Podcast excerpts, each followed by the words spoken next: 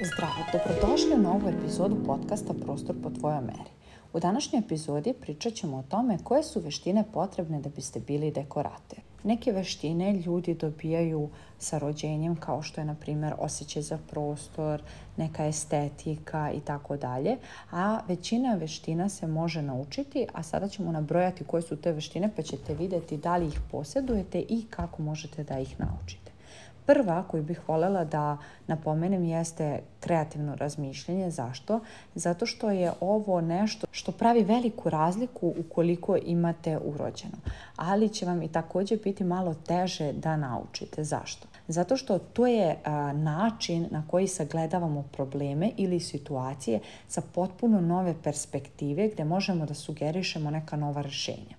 Um, ovo možete vrlo lako da usvojite od nekoga ko već ima i ko zna da prenese, gledajući kako taj neko razmišlja i gledajući načine na koji dolazi do nekih novih saznanja. Ali ukoliko nemate ovu e, crtu, karakteristiku, e, vrlo lako se može desiti da taj novi usvojeni način e, bude pozajemljen od nekog drugog i da vrlo lako liči na tuđi.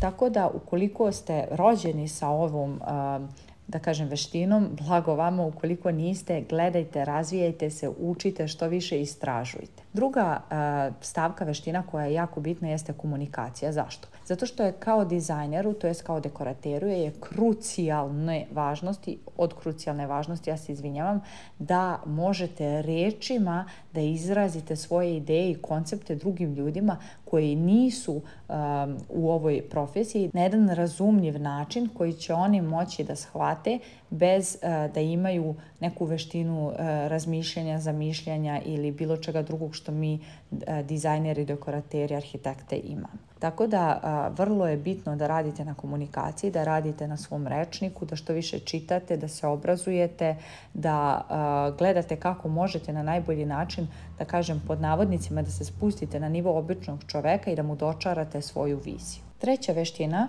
koju bi trebali da, da imate ili da znate jeste istraživanje. Zašto? Zato što morate da imate detaljno razumevanje vaše ciljne grupe a, za koju dizajnirate kako biste joj pomogli da dobije najbolje moguće krajnje rešenje koje će biti korisno, efektivno i koje će biti na nivou njihovog razumevanja. Zašto ovo kažem? Zato što trebamo da znamo tačno a, čemu šta služi i gde možemo to da nađemo. Da ne dođemo u situaciju da naš idealni klijent dođe i traži nam određeni komad nameštaja, mi ne znamo ni gde to možemo nađemo, ni ko može da napravi, niti e, kako to zapravo izgleda u prostoru i tako dalje. Sledeća veština koja je potrebna jeste razumevanje, odnosno e, proizvodnja, e, poznavanje materijala, proizvodnje. Zašto? Zato što moramo da znamo koji su procesi dobijanja nekog materijala, kako koje su svojstva tog materijala, kak, koliki je rok izrade tog materijala, za šta on služi, gde se najbolje koristi. Zašto ovo kažem? Zato što želimo da budemo upoznati sa cenom, sa brzinom proizvodnje i da kreiramo neke važne dizajne, zato što određeni dizajn, određeni materijal, struktura njegova može da napravi savršen dizajn u nekom prostoru ako je postavljen na pravo mesto. Uzet ćemo za primer neki ukrasni kamen kao što je mermer, granit i tako dalje koji se postavlja na primer iza TV-a.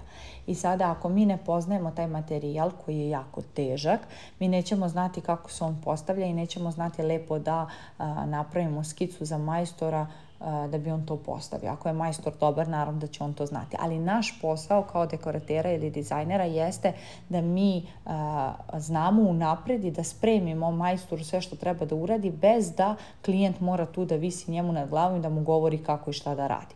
Tako da to je naš posao i zato je potrebno da znamo proces pravljenja nekog materijala, a, svojstva tog materijala i gde on a, najbolje se uklapa. Sledeća veština koju bi trebalo da imamo jeste fokus na klijenta. Zašto?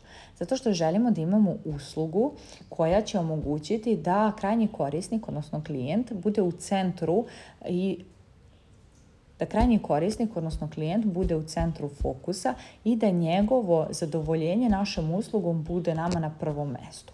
Kada to kažem, mislim na to da mi treba da svoju uslugu prilagodimo što više njima, da bi oni bili zadovoljni, da fokusiramo se onako bukvalno laserski i da što više i više i više sužavamo ciljnu grupu.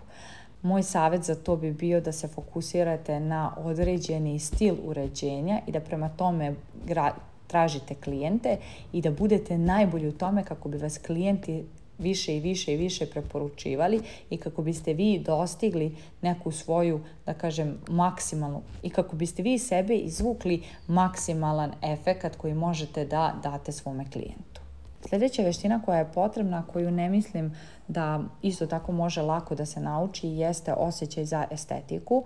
To znači da mi treba da znamo koji dizajn ili koji stil će onako biti e, zanimljiv, koji će biti atraktivan i koji će e, pričati sam za sebe namešta ili e, stvari koji će se naći jeste ono što prvo primeti klijent ili neko kada uđe u prostoriju. Tako da izbor tog namešta i tih stvari zavisi samo od nas. A ako mi imamo osjećaj za estetiku, osjećaj za simetriju, za balans, za ritam, za harmoniju i sve te ostale komponente jednog dobrog dizajna, mi ćemo sa lakoćom da radimo svoj posao. Sljedeća stvar koju a, mislim da treba da znate jeste orijentacija u prostoru. Zašto ovo kažem? Zato što moramo da znamo a, da osetimo prostor. Bilo da ga videli preko slika, ušli u taj prostor, odma čim uđemo moramo da znamo koliki nameštaj, koje dimenzije može da stane, koji ne može, a, šta bi sve u tom prostoru moglo da bude, a šta nikako ne može da bude, ne može da stane. Možda neki klijent u 22 kvadrata želi da ima open space sa stolom od 6 stolica, to je 6 mesta, mesta, ali to jednostavno nije moguće ukoliko se neki drugi deo prostora ne skrati. U smislu, patiće dnevna soba, onda ne može da stane, na primjer, ugaona garnitura ili ne može uopšte da stane ugaona garnitura ili kuhinja će biti samo tri elementa. Znači, uvek treba ukazati, a kako ćemo ukazati ako nemamo mi osjećaj za prostor. A taj osjećaj za prostor mora da dođe bez da mi crtamo tačno svaki put u kompjuteru, nego eto čisto da imamo neku orijentaciju u tom prostoru. Naravno da ćemo mi kasnije staviti sve u program i duplo proveriti, ali bi trebalo unapred kad se taj prostor vidi da se napomene. Mislim da ovde ne može ovako da ide šta misliš o ovom rešenju i onda predložiti nekoliko rešenja. Sledeća stavka o kojoj treba voditi računa jeste marketing. Ovo nije nešto što se, da kažem, uči u bilo kojoj a, instituciji, ali je jako bitno zbog načina na koji predstavljate definirate vi sada vaš brand, posao kojim se bavite i uslugu koju pružate. kada ovo kažem, mislim na to da jednostavno kao što klijent kada prvi put vidi neki dizajn i taj utisak koji taj dizajn ostavi na klijenta, tako i vaš brand, vaš profil na nekoj društvenoj mreži, kanal na društvenoj mreži može da ostavi utisak na vašeg klijenta i vrlo, vrlo, vrlo od toga će zavisiti da li će vam se on javiti uopšte za saradnju ili ne. Tako da marketing treba da bude, treba da ima veliki uticaj uh, na vaš uh, na vaš portfolio i na to kako ćete se predstaviti i trebamo da ga učimo i trebamo da ga istražujemo i znamo. Sljedeća stvar koju treba da znate, to jest veština, jeste fotografija. Zašto? Zato što kada imamo, kada fotografišemo neki naš dizajn, kada imamo e, slike nekog urađenog prostora, bilo da je to naš, nekoga našeg bliskog, ali mi fotografišemo, moramo da znamo kako fotografišemo, iz kog ugla fotografišemo, da li nam trebaju grid, da li nam treba grid ili nam ne treba grid, u kom formatu ćemo fotografisati, čime ćemo fotografisati, e, kako ćemo stati, da li treba da ovo uradimo ili ono uradimo.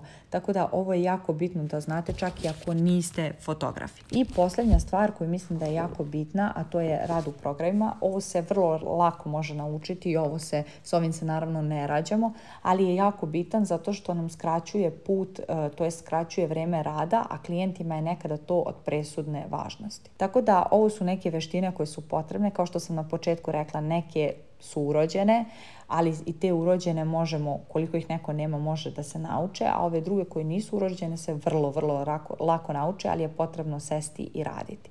Nadam se da vam je ova epizoda koristila. Ukoliko imate nekih novih predloga, molim vas pišite mi na info.lusoarchitect.com i za svakodnevnu inspiraciju pratite me na Instagramu Jelena Architect. Vidimo se u narednoj epizodi. Ćao!